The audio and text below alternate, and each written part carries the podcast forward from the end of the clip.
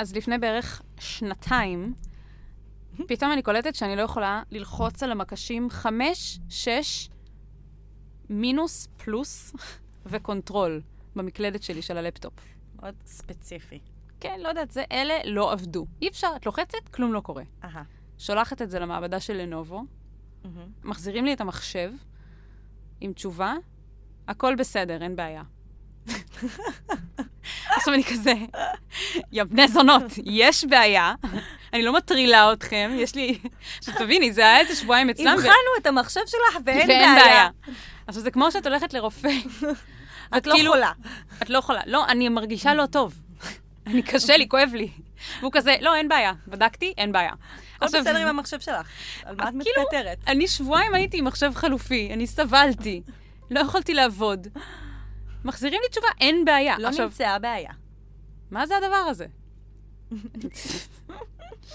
אם יש שם אי שם מישהו שמאזין, שהוא עובד במעבדת לנובו, תדע שאני שונאת אתכם. זה קרה לפני בערך שנתיים, ואני מעלה את זה עכשיו, כי זה עדיין השיט שלי. כי אני עד היום, כשאני צריכה ללחוץ על המספר 5 ו-6, אז אני צריכה לפתוח את המקלדת שעל המסך. את מכירה את המקלדת שעל המסך? כן. סיוט. אני שמתי לב, זה היה מאוד... אה, בכל דבר שאני עושה, כן. אם אני צריכה להקליד את המספר טלפון של כל אדם, זה תמיד 05, כל פעם משהו 5. הייתה תקופה בעבודה שהייתי צריכה להקליד תאריכים, וכשהגעתי ליום החמישי בחודש, סיוט. זהו, ועד היום אני ככה, עם המחשב ככה, מקלידה במקלדת על המסך. זה סיפור מאוד קשה. כן, זה מתקשר לספיישל שלנו היום. נכון. יש לנו ספיישל תעסוקה. ספיישל תעסוקה. זה נשמע כאילו ספיישל מזכירות. לא, לא. ספיישל מה אני אעשה כשאני אהיה גדולה. כן, ספרי לנו על חוקי הפורמט שלנו. אז אה, בכל פרק אנחנו מציגות כמה סיפורים אמיתיים של אנשים שכתבו לנו על סוגיות מהחיים עצמם. יש להגיד שהם מציגים את עצמם בשמות בדויים ומצחיקים. ואז אנחנו מנתחות את המצב, נותנות תובנות משלנו לעניין, ומייעצות מה לדעתנו אפשר לעשות. יאללה, נתחיל? נתחיל.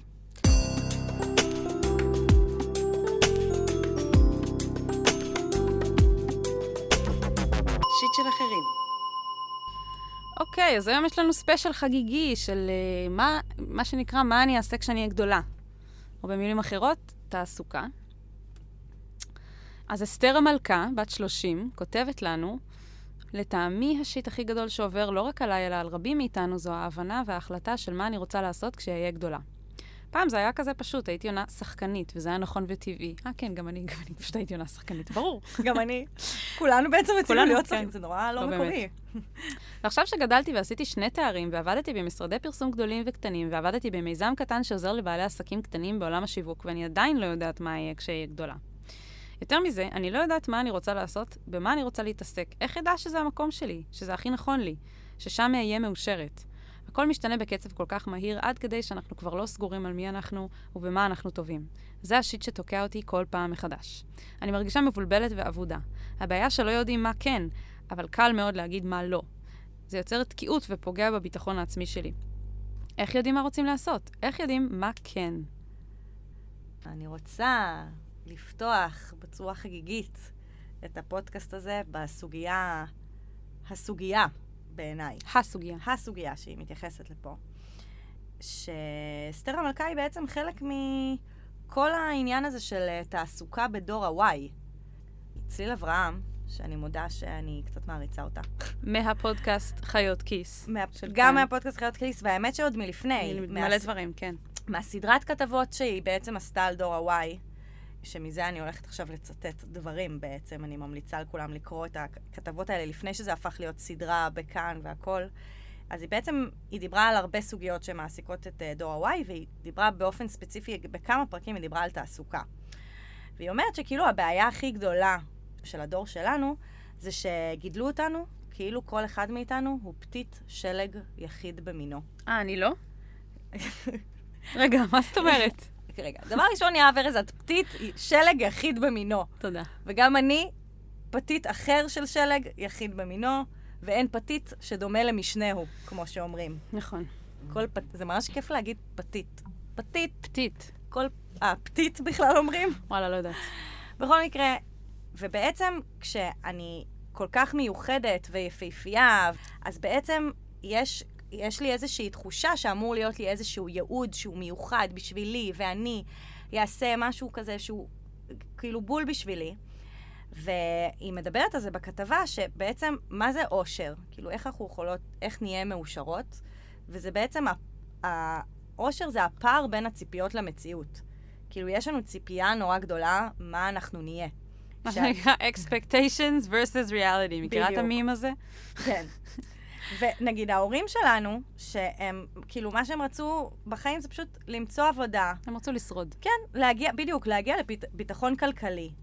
הם עשו את זה, ואז הם הגיעו לאיזושהי פריחה ושגשוג כלכלי באותה תקופה, ואז מה שקרה זה שאותנו הם גידלו בצורה מאוד כזה של מפונקים, כאילו, ב, לפי התפיסה הזאתי. וזה, בעיקרון זה ציטוט, אה, זה ציטוט אה, מבלוג שקוראים לו Why But Why מ-2013, אבל בכל מקרה, העניין זה שאני מרגישה שהרבה מאוד מהדור שלנו עסוק כל הזמן ב... אני לא אומרת שזה בהכרח רע, אני רק אומרת שזה באמת אחד מהקשיים שלנו, שאנחנו כאילו עסוקים בהגשמה עצמית ובאיזשהו מימוש פוטנציאל, ומי אנחנו בעולם הזה, ואנחנו צריכים לעשות את הדבר הכי כאילו מדויק לנו, שבכל רגע יהיה, אנחנו נרגיש שאנחנו מגשימים את עצמנו. ולא מזמן היה לי קצת משעמם בעבודה. והייתי כזה, וואי, וזה, ושוב עשיתי את זה, וכזה התלוננתי. ואז uh, חבר שלי אמר לי, בסדר, את יודעת, זה גם רק עבודה. את יכולה גם, לפעמים זה לא כל היום זיקוקים. נכון. והוא אמר לי את זה, ופתאום הייתי כזה, וואלה, די. בכלל לא חשבתי שאני אמורה לפעמים לא ליהנות. לא, מה זה אמורה? שזה בסדר שלפעמים אנחנו פשוט נעשה את מה שאנחנו צריכים לעשות, וזה לא יהיה כל הזמן עונג צרוף, אלא זה יהיה איזושהי רוטינה כזאת, ואנחנו נדאג להתפרנס ונהיה כן, אבל היא מתארת מצב פה, היא מתארת שהיא כבר הייתה שם. היא כבר דאגה להתפרנס ולבנות את עצמה ולעשות שני תארים ולעבוד במשרדי פרסום וזה וביוזמות. זה לא שהיא עכשיו בת 20 וכאילו יצאה אל העולם ו... ומה אני עושה. עולל, היא לא עולל. היא לא עולל, אבל uh, אני חושבת שהיתרון שלך, כותבת יקרה, אסתר המלכה. טוב מאוד שאת יודעת מה לא, זה חוסך כן. לך זמן ואנרגיות. יש אנשים שגם לא, גם הם לא יודעים מה לא, ואז הם כאילו צריכים להתנסות ו- ו- ולהיכבות. כמובן, כל... כמובן שכתבתי בדיוק את אותו משפט, יהב ארז, אחד לאחד, זה מה שכתבתי לעצמי, שזה בכלל לא ברור מאליו שהיא יודעת מה לא. היא מדברת על זה כאילו זה דבר ברור מאליו שהיא יודעת את זה, וחשוב לי ש... לא, היא לא מדברת שזה, בר... שזה מובן מאליו, היא אומרת שזה פוגע בה. כי זה שהיא כאילו יודעת מה היא לא טובה בו ומה עושה לה רע, אז היא כאילו לא רוצה להגיע לשם, כי זה מוריד לה את הביטחון העצמי. Mm. עכשיו, קודם כל, יפה. את כבר יודעת מה לא, אז יש לך אלימינציה. Mm-hmm. Uh, לגבי מה כן, אני רוצה להמליץ שני דברים. קודם כל, יש מצב ששווה ללכת לאיזה ייעוץ תעסוקתי, איזה מנטור, איזה קואוצ'ר. יש אנשים שהם מתמחים ממש בעניין התעסוקתי. שממש פגישה אחת איתם או שניים, כאילו את קובעת איתם, והם כזה ממש עוזרים לך לסדר את הראש לגבי הדבר הזה. כן, אני בעד פסיכולוג תעסוקתי, ושזה לא יהיה רק מפגש שניים, אלא איזושהי חקירה פנימית כזאת. גם אפשרי. אה, יש את הקבוצת פייסבוק אנשי העולם החדש, אממ. כל המעריצים של ליאור פרנקל, וגם הפופ, הפודקאסט שלו, פופקורן, אני ממליצה עליו באופן כללי, למי שקצת מחפש את עצמו בענייני קריירה, אבל שם, בתוך הקבוצה, זה ממש קהילה של אנשים שבערך, נראה חצי מהם הם כאלה קואוצ'רים תעסוקתיים. אז אני חושבת שאם תכתבי שם פוסט, כזה אני מחפשת מה לעשות אם אני לא יודעת מה הייעוד שלי, אז בעצם יהיו לך שם איזה 100 תגובות שכל אחד כזה, את רוצה לקבוע איתי פגישה? אני ממש טוב בלייעץ. אז אה, ויש שם, יש שם מלא insight, והעצה השנייה שלי היא לגבי סרטון. אה, זה, זה נכון לכל הספיישל היום. ראיתי את זה, זה סידר לי ממש. קוראים לה אליזבת גילברט, וקוראים לזה Elizabeth Gilbert on distinguishing between hobbies, jobs, careers and vocation, אוקיי? Okay? עכשיו, המילה הזאת vocation, כאילו ייעוד, ה-calling שלך, אז בעצם הסרטון מסביר מה ההבדל בין תחביבים, hobbies, jobs, אה, תעסוקה, career, קריירה, ו-vocation, ייעוד. והיא בעצם, היא עושה שם כאילו פלאים בתוך כמה דקות. את רואה את הסרטון הזה ואת כזה, אה, אוקיי, בסדר. זה כאילו סרטון TED כזה? לא, לא, לא. אה, זה סרטון שלה, שהיא פשוט צילמה את עצמה, מדברת, והיא סופר טובה בזה. זה אוקיי. כאילו, ראיתי את זה לפני איזה חודשיים, והייתי כזה, אה, וואו, ממש הרגיע אותי. ואנחנו נשים לינק אה, בקבוצת פייסבוק, שנפרסם את הפרק, אה, כדי שכולם יוכלו לראות את זה, זה אחלה של סרטון. ואגב, את נשמעת רבת פעלים. זה נשמע שכבר עשית המון, והרזומה הזה הוא גם לא דבר שהוא ברור מאליו. כלומר, זה גם איזה משהו שאת לוקחת איתך עכשיו מ- לכל מקום שאת תגיעי אליו, יש לך כבר את הדברים שעשית. אני חושבת שזה זה דבר עצום להיות כל הזמן בעשייה. גם כן. אם עדיין היא עדיין לא הגיעה למקום המדויק עבורך, זה שהיית כל הזמן בעשייה ועבדת בשביל זה, זה, זה מדהים כן, רכשת כלים וניסיון. לגמרי. ואני עוד מאמינה ש... זה נשמע שאת ממש בחורה רצינית. אה, אני חושבת שאת ממש קרובה למציאת ה-vocation שלך. נכון, וגם, גם, בואו, 30, כאילו, 30 זה, היא לא מבוגרת. היא תחילת הדרך הקרייריסטית שלה. אה, כן. יאב, אני... לא, כאילו, פעם זה... זה 30 זה... כן, כדאי שיהיה כיוון, אבל יש לה כיוון. יש לה. כאילו... אז אנחנו מאחלות לך המון בהצלחה, ועוברות ותודה, ל... תודה שנתת לנו את הספתח ל... לספיישל התעסוקה. כן.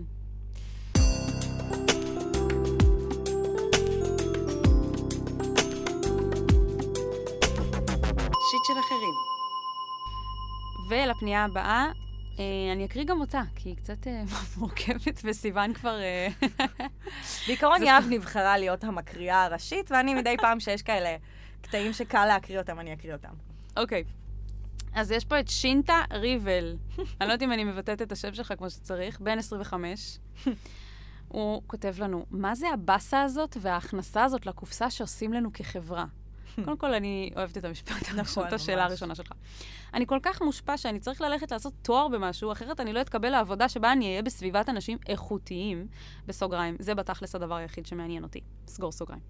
יש לי שני תחומים שאני מאוד אוהב ועוסק בהם רבות, כדורסל ומוזיקה, אבל זה לא גורם לי להרגיש שהדבר מגדיל את הסיכויים שלי בהרבה להתעסק בהם ביום-יום, כי אנחנו עבדים של כסף. כל שאר הדברים בחיי שחקרתי קצת בשביל לנסות להתעניין בהם, אני אוהב אולי לכמה רגעים, אבל אף פעם לא עם שום חשק לחקור אותם במשך שעות בצורה יומיומית. הבעיה פה היא ההתעסקות המתמדת בזה בגלל היותי מושפע. אני מרגיש בהכחשה של המציאות. ההתמודדות שלי עם הדבר, עם הדברים הם פסיבית, ולכן אני בוחר לא לבחור. הדבר היחיד שאני יודע, זה שבא לי להיות בחברת אנשים עם ראש פתוח, שיאהבו אותי ואני אותם, ולפתח איתם קשרים וחברויות עמוקות. הבעיה שלי זה שבראש שלי, בשביל להגיע לשם, אני צריך לבחור בתחום מסוים, לרוץ עליו חזק במשך ארבע שנים, ואז אחרי שעשיתי את זה, אני אהיה בקופסה של השקעתי בזה כל כך הרבה זמן, אז מה, עכשיו אני לא אשתמש בסקיל שרכשתי, שרכשתי בשביל להביא כסף הביתה? שלא לדבר על זה שאני בכלל לא מאמ- מאמין ביכולות שלי to get this shit done, מה שנקרא. אני לא משהו בלימודים ריאליים. פרדוקס כמו פרדוקס. בשביל ליצור חיבור עמוק עם אנשים, אני חייב לצאת ולעשות את זה בדרך של הרוב, שהיא לא דרך שאני שלם איתה כפי שהבהרתי. מצד שני, אני לא מספיק מאמין ביכולות שלי לעשות דרכים אלטרנטיביות. בליצור משהו בעצמי שיממן אותי. בללכת עם משהו בתחום המוזיקה או הכדורסל, ושם ליצור חיבור עמוק. אשמח לטיפים לאיך להתנתק מהרדיפה הזאת, איך להפסיק לירות לעצמי ברגל בכל תחומי חיי. ואפילו אשמח אם יהיה לכם תשובות משלכם לשאלות שהמוח שלי לא הצליח לאבד ולהבין שהוא רוצה לשאול אותם. מעולה. אה, אני אשמח לעשות לך קצת סדר. קודם תעשי כל... גם לי סדר. כן, אני אעשה לכולנו סדר. בוא נעשי, תעשי לכולנו סדר. קודם כל, יש פה שתי בעיות נפרדות. אחת היא שאתה קודם כל רוצה להיות בחברת אנשים איכותיים, בגרשיים. אני אקרא לזה אנשים טובים, אנשים ש... כאילו, איכותיים, אני לא אוהבת את המילה הזאת, כי זה כאילו מה, אנחנו מוצר בשוק? לא, אנחנו בני אדם, אבל בסדר. אה, וזה לא באמת חייב להיות קשור לתעסוקה שלך.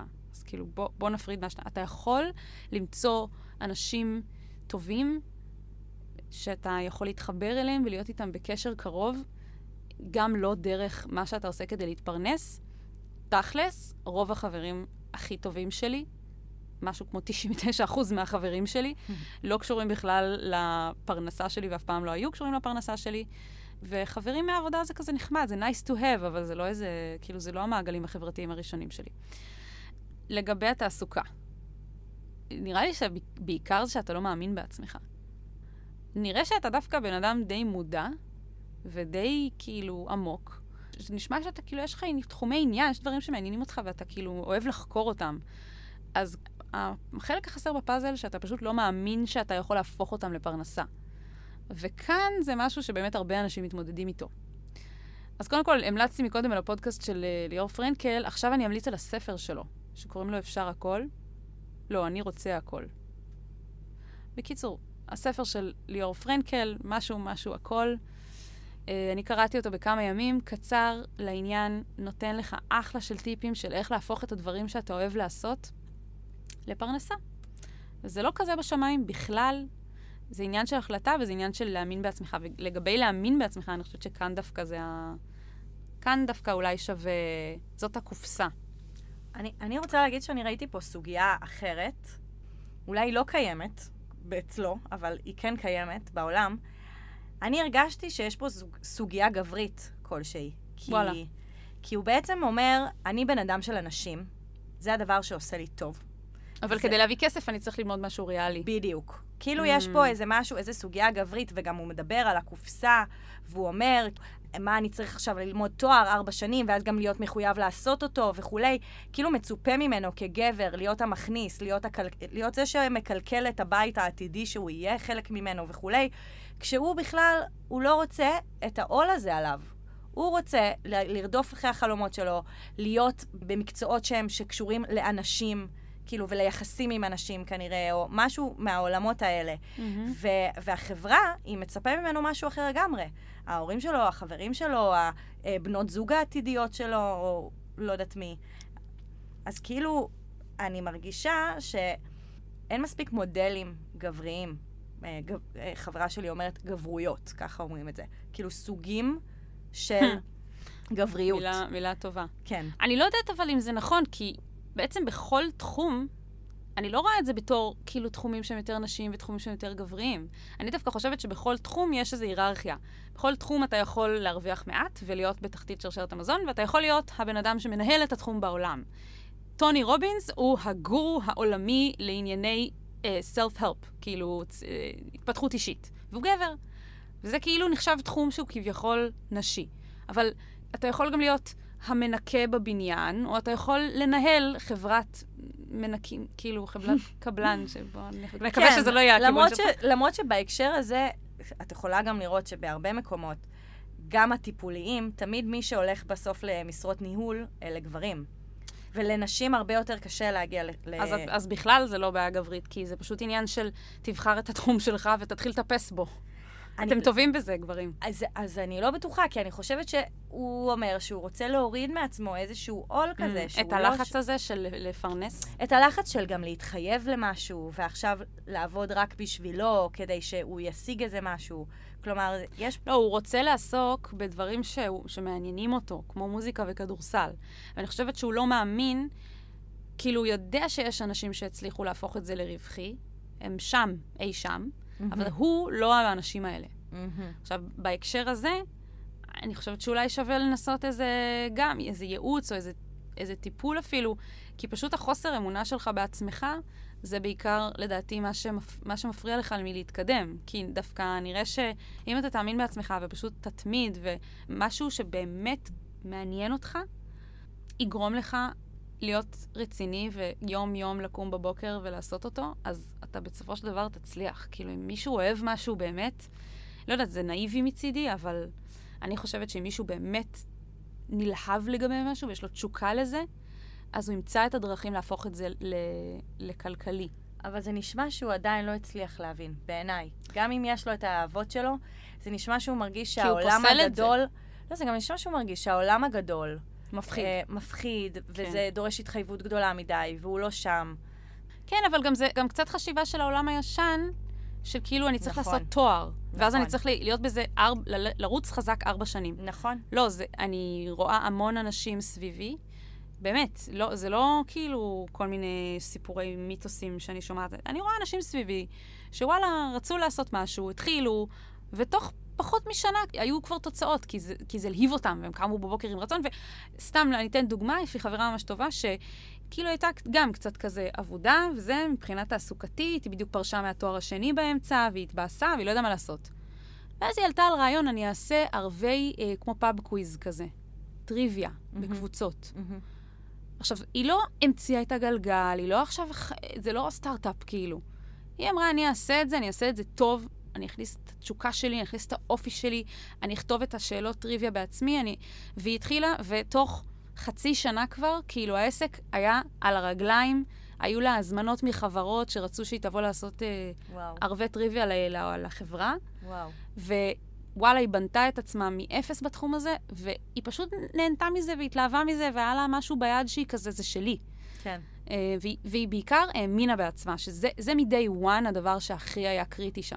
כן, זה נשמע שהתמה שהכי חוזרת בעצם בכל מה שקשור לעולם התעסוקה, גם אצל אה, אסתר המלכה וכולי, זה העניין הזה של הערך העצמי, וכמה זה, כמה הבחירה שלי בעולם התעסוקה משפיעה על הערך העצמי, וכמה הערך העצמי שלי משפיע על, על ה... מה יש לך לתת גם. בדיוק, על וכמה ביטחון יש לי להיות במקום הזה. ובאמת, אה, יש כזאת אמרה שאם היית יכול לקבל עכשיו אה, מזוודה עם ככה וככה כסף, שתקלקל אותך עד סוף החיים, ולא תצטרך לעבוד עד סוף החיים, אבל יהיה אסור לך לעבוד. לא יהיה אסור לך להתנדב, יהיה אסור, יהיה אסור לך בהגדרה לעבוד. יהיה לך את כל הכסף לחיות, ולא, אבל יהיה אסור. האם תיקח את המזוודה הזאת? וזו שאלה פילוסופית, כי נכון. בעצם, כי בעצם האמירה הזאת אומרת שאנחנו בעצם רוצים לעבוד. עם כמה שזה קשה, ויש לנו מיגרנות, למשל, לאורך השבוע, בגלל שאנחנו עובדים קצת יותר מדי וכולי, אז עם כמה שהעבודה היא נותנת לנו ערך עצמי, והיא מגדירה אותנו, והיא עוזרת לנו לבטא את עצמנו בעולם, והיא נותנת לנו משמעות, אז זה מאוד ברור למה אתה רוצה למצוא את עצמך במקום הזה, ו... ואני אוסיף דבר אחרון, שאתה אומר שכאילו אתה לא רוצה לבזבז את הזמן שלך על תחום שאתה תשקיע בו, ואז פתאום כאילו תרצה אולי להחליף לתחום אחר. אבל זה מאוד נפוץ, כאילו, זה לא, זה לא דבר רע.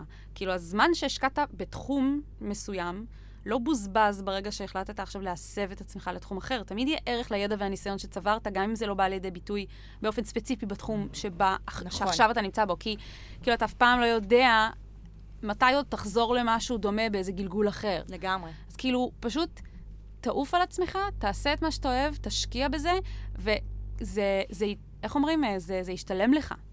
אני ממש מאמינה בך. אתה נשמע כמו בן אדם אה, עם תחומי עניין, כאילו שבאמת יש לו תשוקה. וגם אה, כזה שהוא נותן לעצמו לחשוב. כלומר, הוא לא, כן. הוא לא לוקח דברים כמובן מאליו, זה...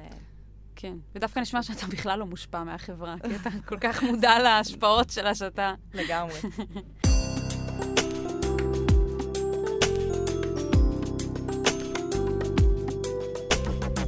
שיט של אחרים. טוב, אז uh, שם בדוי, בן 31. אני מנסה לקבל החלטה לגבי ההתפתחות המקצועית שלי. אני מחובר לנושא, לנושאי סביבה הרבה שנים, ועוסק בחינוך סביבתי. בסוגריים, ועד לאחרונה ממש רציתי להפסיק. חוץ מזה, סיימתי עכשיו תואר ראשון בעבודה סוציאלית. התקבלתי לשנה הבאה לתואר שני במדיניות ציבורית סביבתית באוניברסיטה היוקרתית בחו"ל. לכאורה זה חיבור מושלם בין דברים שאני עוסק בהם בשנים האחרונות. עכשיו, כשהכול אפשרי, זה מאוד מפחיד ומלחיץ, ואני לא מצליח להחליט. חלק מהקושי נובע מזה שנהיה לי מאוד כיף בעבודה החינוכית שלי. ואני גם מוצא יותר ויותר עניין בעבודה טיפולית פרטנית שהתנסיתי בה בשנה האחרונה של התואר בעבודה סוציאלית. הסיטואציה הזאת מאוד דומה למקום שהייתי בו לפני שהתחלתי ללמוד עבודה סוציאלית. גם אז הייתי צריך להחליט בין התואר לאפשרות אחרת, והרגשתי המון חרדה מהמצב. צריך לציין שברקע, לכל הדברים שאני אומר עכשיו, אני בסוג של התמודדות עם דיכאון מאז השחרור מהצבא. גם בפוסט-טראומה קטנה ברקע. כל המצב הזה מלחיץ אותי ולוקח אותי במחשבות למקומות של ייאוש וחוסר אונים. מצד אחד, התואר בחו"ל יוקרתי ויכול להביא אותי לעבודות מעניינות ורווחיות. יחד עם זאת, זה תואר יקר מאוד, ואני אזדקק להוריי לממן אותו. זה יוריד חלק מהירושה הצפויה שלי, כאלה אשכנזים. מצד שני, איכשהו אני מרגיש קריאת לב להמשיך בעבודה החינוכית והטיפולית, אבל שם האופק הכלכלי מרגיש לי יותר מוגבל וקשה, ואני בכלל לא בטוח שאני אהיה כזה טוב בזה. אני מנסה להבין איך לקבל החלטה. טוב, אז uh, כל הכבוד על החתירה להתקדם בתחומים שמעניינים אותך. נראה שאתה ממש על המסלול הנכון למי שרוצה להתעסק בתחומים האלו. אז זה דווקא, כאילו, זה סיום אופטימי לפרק. יש פה מישהו שאפילו יש לו כמה תחומים והוא כזה על, על זה. וגם איזה כיף שההורים שלך יכולים לעזור לך לממן תואר יוקרתי בחו"ל. זה באמת אה, לא משהו שיש לכל אחד. אז איזה יופי, איזה מתנה. וגם, איזה כיף שאתה גבר שלמד עבודה סוציאלית, ושהוא מטפל, בדיוק בהקשר של מה שדיברנו עליו מקודם, שיש את הסוגיה הגברית, האם ללכת למקצועות שהם פחות אה, מכניסים, ובאמת יש גם כאן שוב את הסוגיה של הכסף מול ההגשמה העצמית, ובתור גבר, האם יש לזה מקום אה, לדאוג לנפש ולא... כלומר, אני חושבת שבאמת עבור נשים, להחליט שאני הולכת uh, לעבודה חינוכית טיפולית, ומקסימום זה לא יכניס הרבה כסף, זה הרבה יותר קל.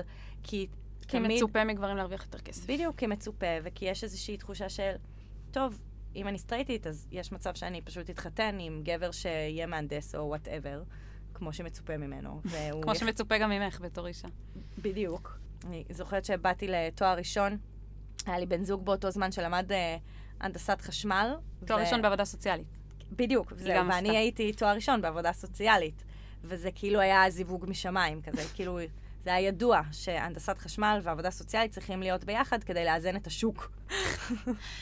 תראה, אה, אתה אומר שכאילו הכסף פה זה סוגיה, אבל דווקא נשמע ש... כאילו, אם אני הייתי מקבלת כסף בירושה, והייתי בוחרת להוציא את זה על תוכנית יוקרתית בחו"ל, אז זה לגמרי משהו שראוי לעשות עם אותו כסף. כאילו, אתה אומר שזה יוריד לך מהירושה. אוקיי, אז אחר כך אתה תקבל פחות ירושה, אבל יהיה לך תואר יוקרתי מחו"ל, אז כאילו, אה, אני לא רואה פה יותר מדי בעיה. ולגבי הרצון לעסוק בטיפול כאן, אני כן רואה את זה בתור משהו שיחכה לך ולא יברח לשום מקום. התואר הזה, כאילו עכשיו קיבלת הזדמנות כי התקבלת לתוכנית, אבל לטפל כאן זה משהו שאפשר, כאילו נכון שיש איזו אינרציה כזאת, אבל אתה גם תוכל לטפל כאן גם אחר כך. זה לא, זה לא משהו שעכשיו מתבטל. סליחה, טיפול וחינוך, הוא גם ציין את החינוך. נכון. זה יהיה פה גם עד, עוד ארבע שנים וגם עוד עשר שנים, ומי יודע, אולי אפילו תמצא כיוונים להתעסק בזה פה ושם בזמן הלימודים בחו"ל. זה שאתה הולך ללמוד במדינה שאתה לא אזרח בה, זה לא אומר שלא יהיו לך הזדמנויות לעשייה שקשורה לחינוך וטיפול גם בזמן הלימודים שם, בתוכנית היוקרתית הזאת. זה מצחיק, זה נראה כאילו את כזה דוחפת אותו לקרוא, ל- ללמוד בחו"ל. ללמוד בחו"ל. כי זה נשמע כזה אטרקטיבי, ואני כזה רשמתי לעצמי, תשמע, ברמה האישית, אני הייתי ממש רוצה ללמוד עכשיו בחו"ל. לא יודעת, כאילו, אולי תלך על זה, זה נשמע מה זה כיף, תואר יוקרתי. אני חושבת גם שמשהו שלא ציינת פה, ואני קצת מניחה לגביך, בגלל שדיברת על זה שיש לך, שאתה מתמודד קצת עם דיכאון ופוסט-טראומה, זה שאולי היציאה מאזור הנוחות, ללכת למקום שאתה לא מכיר בו אף אחד, לחו"ל, רחוק מהמשפחה ומכל מה שאתה, ומכל מי שרשת התמיכה שלך, זה דבר שהוא מפחיד, ובצדק. אני גם הייתי חוששת, כאילו אם הייתי עומדת בפני החלטה האם ל- ללמוד בחו"ל ולהגשים איזה חלום כזה שנראה קצת יותר גדול, או להישאר פה בתוך הקן הזה שלי ב- בישראל. ואני חושבת שיש כמה דברים שאתה יכול לעשות כדי להסתכל על האופציה הזאת כפחות מפחידה. אז קודם כל, כמו שאמרתי, אולי האופציות להתעסק בדברים האלה גם שם, ומלגות, וזה שכאילו תכלס יש אופציה למימון, זה לא שאין, כאילו, זה, זה, זה, הקטע של הכסף זה כאילו פחות uh, בעיה בעיניי. אבל אני כן uh, רוצה להגיד משהו על ההכרעה בין שתי החלטות, שאחת היא להישאר באזור הנוחות והשנייה היא לצאת מאזור הנוחות, שזה משהו שהרבה אנשים עומדים בפניו, ו- וזה ממש קשה. נכון. כי הרבה פעמים האופציה של לצאת מאזור הנוחות, יש בה משהו יותר נוצץ ויוקרתי, כמו למשל תוכנית יוקרתית בחו"ל. ואז זה כאילו מאוד, uh, זה קשה. ואני, כשאני עומדת בפני אופציות כאלה, אני בדרך כלל נוטה ללכת על האופציה שמוציאה אותי מאזור הנוחות, או לפחות הייתי, הייתי רוצה לעשות את זה יותר, כי אני חושבת על מה שהרוויח, כאילו זה רווח מול, מול סיכון, נכון? עכשיו, אם מה שתרוויח מהאופציה הפחות נוחה, במקרה הזה תוכנית יוקרתית בחו"ל, הרווח פה הוא משמעותי הרבה יותר ממה, ש, ממה שיכול להיות אם תישאר. כאילו, אתה, יש לך פה הזדמנות להרוויח דברים שהם out of the ordinary. מנגד, הסיכון, אם אתה תלך לשם ולא יהיה לך טוב, או לא, לא תצליח שם, או תתגעגע הביתה, הניסיון הזה בחו"ל יהיה כושל, נקרא לזה, כאילו, מה הכי גרוע שיכול לקרות? אתה תלך, תגלה שזה לא בשבילך, תחזור, ואז מה קרה? צמחת, גדלת, לגמרי. הרווחת כי למדת. ממש. כאילו, חווית חוויה שהיא כבר, כאילו, העזת, ורק זה בפני עצמו נתן לך את הרווח של ללמוד את השיעור, שלא היית לומד אם היית נשאר. נכון. אמ, ואני חושבת שכאילו חווית יותר, גם אם נפלת יותר. ולהישאר באזור הנוחות פשוט לא מאפשר לך לא להרוויח את הרווח של ללמוד בחו"ל, וגם לא להרוויח את הרווח של ללמוד מה, מהכישלון, אם, אם יהיה כזה.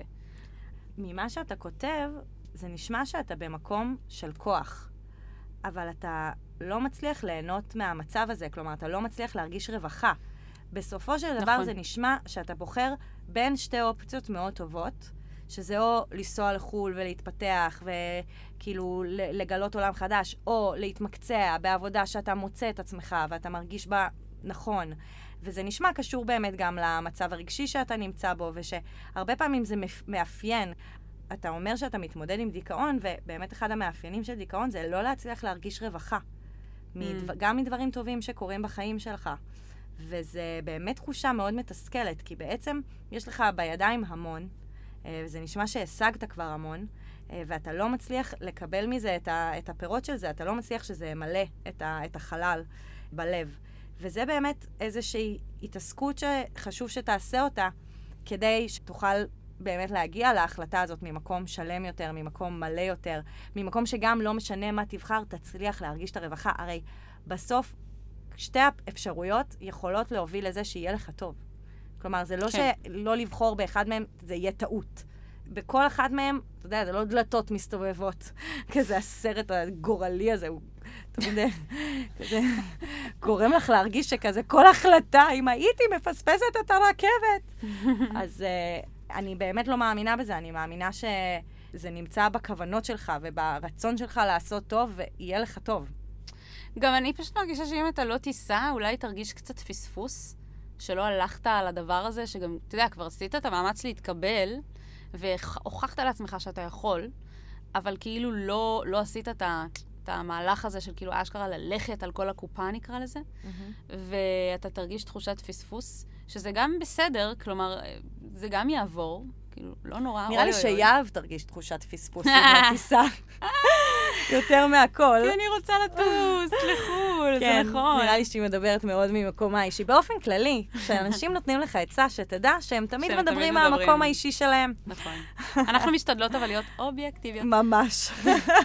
לא, באמת, וגם... אה, אבל אני כן חושבת שהבן אדם הזה נשמע שיש לו פה הזדמנות בידיים, אבל אנחנו, אנחנו נבין אם אתה תבחר להישאר פה ולהיות במקום יותר יציב, זה גם חלק מהעניין. הוא, הוא אומר שיש לו, שהוא מתמודד עם, עם בעיות לא פשוטות ברמה הרגשית. נכון. אני לא זוכרת אם אמרת שאתה הולך לטיפול או לא. כן, הוא אמר. שאתה הולך לטיפול. אה. ואולי זה גם מפחיד אותך, שכאילו במקום שאתה לא מכיר אף אחד ושום דבר, יהיה קשה עכשיו להתחיל תהליך טיפולי עם מישהו חדש, שהוא אפילו לא מהתרבות שלך ולא מהשפה שלך. אפשר להמשיך זה בזום. לגמרי. זה מה שהקורונה לימדה אותנו. נכון. אפשר לעשות טיפול המטפל בזום. שלך בזום. אבל uh, אני פשוט חושבת שמה שיותר מפחיד פה, זה לא, ה... זה לא מה אני אפספס אם אני אסע, זה מה יהיה שם, שהוא, לא, שהוא הלא מוכר והמפחיד. ווואלה, כאילו, אני, אני מעוד- מעודדת אותך לטרוף את החיים האלה ולטוס, ללמוד בחו"ל, ומקסימום, וואלה, כאילו, לא יהיה טוב, אז תחזור. ותחזור לפה לחינוך והטיפול. לסיכום, סע לחו"ל. לסיכום, פרוס כנפיים, יהיה בסדר, אנחנו מאמינות בך וחושבות שאתה יכול להצליח ובגדול. אני, אני רוצה לא להיות כזאת חד משמעית. ולהגיד שגם הבחירה ללכת אחרי מה שכרגע קורץ לך, זו בחירה מכובדת, והיא להקשיב גם ללב שלך, ויכול להיות שגם זה מה שאתה צריך לעשות. אז אני, באמת חשוב לי שלא נהיה כאלה חד משמעיות. נכון, את צודקת, כך או כך יצאת מנצח. נכון. זה, זה ממש הסיטואציה פה. אז שיהיה זה- לך מלא בהצלחה. אז איזה כיף שהייתם איתנו בספיישל התעסוקה. אני מאמינה שיהיו עוד ספיישלים של תעסוקה, ואנחנו נתקוף את זה כל פעם מזווית אחרת. ועוד ספיישלים באופן כללי. נכון. ובינתיים, נאמר, עד הספיישל הבא, רוצים שגם השיט שלכם יקבל מאיתנו עצה? כן! תודה לך. מוזמנים לכתוב לנו דרך טופס אנונימי שאפשר למצוא בקבוצת הפייסבוק שיט של אחרים, עצות לחיים עצמם. יש שם גם סוגיות שלא נכנסו לפודקאסט והתייעצויות של חברי הקבוצה אחד עם השנייה. אז עופו על זה, וניפגש בקבוצה, ותודה שהיית איתנו, סיוון. תודה שהיית איתנו, יהב. יאללה, בהצלחה לכולם. אני ממש צריך את ה... אני ממש צריכה עצה. מה אני יכול לעשות במצב כזה?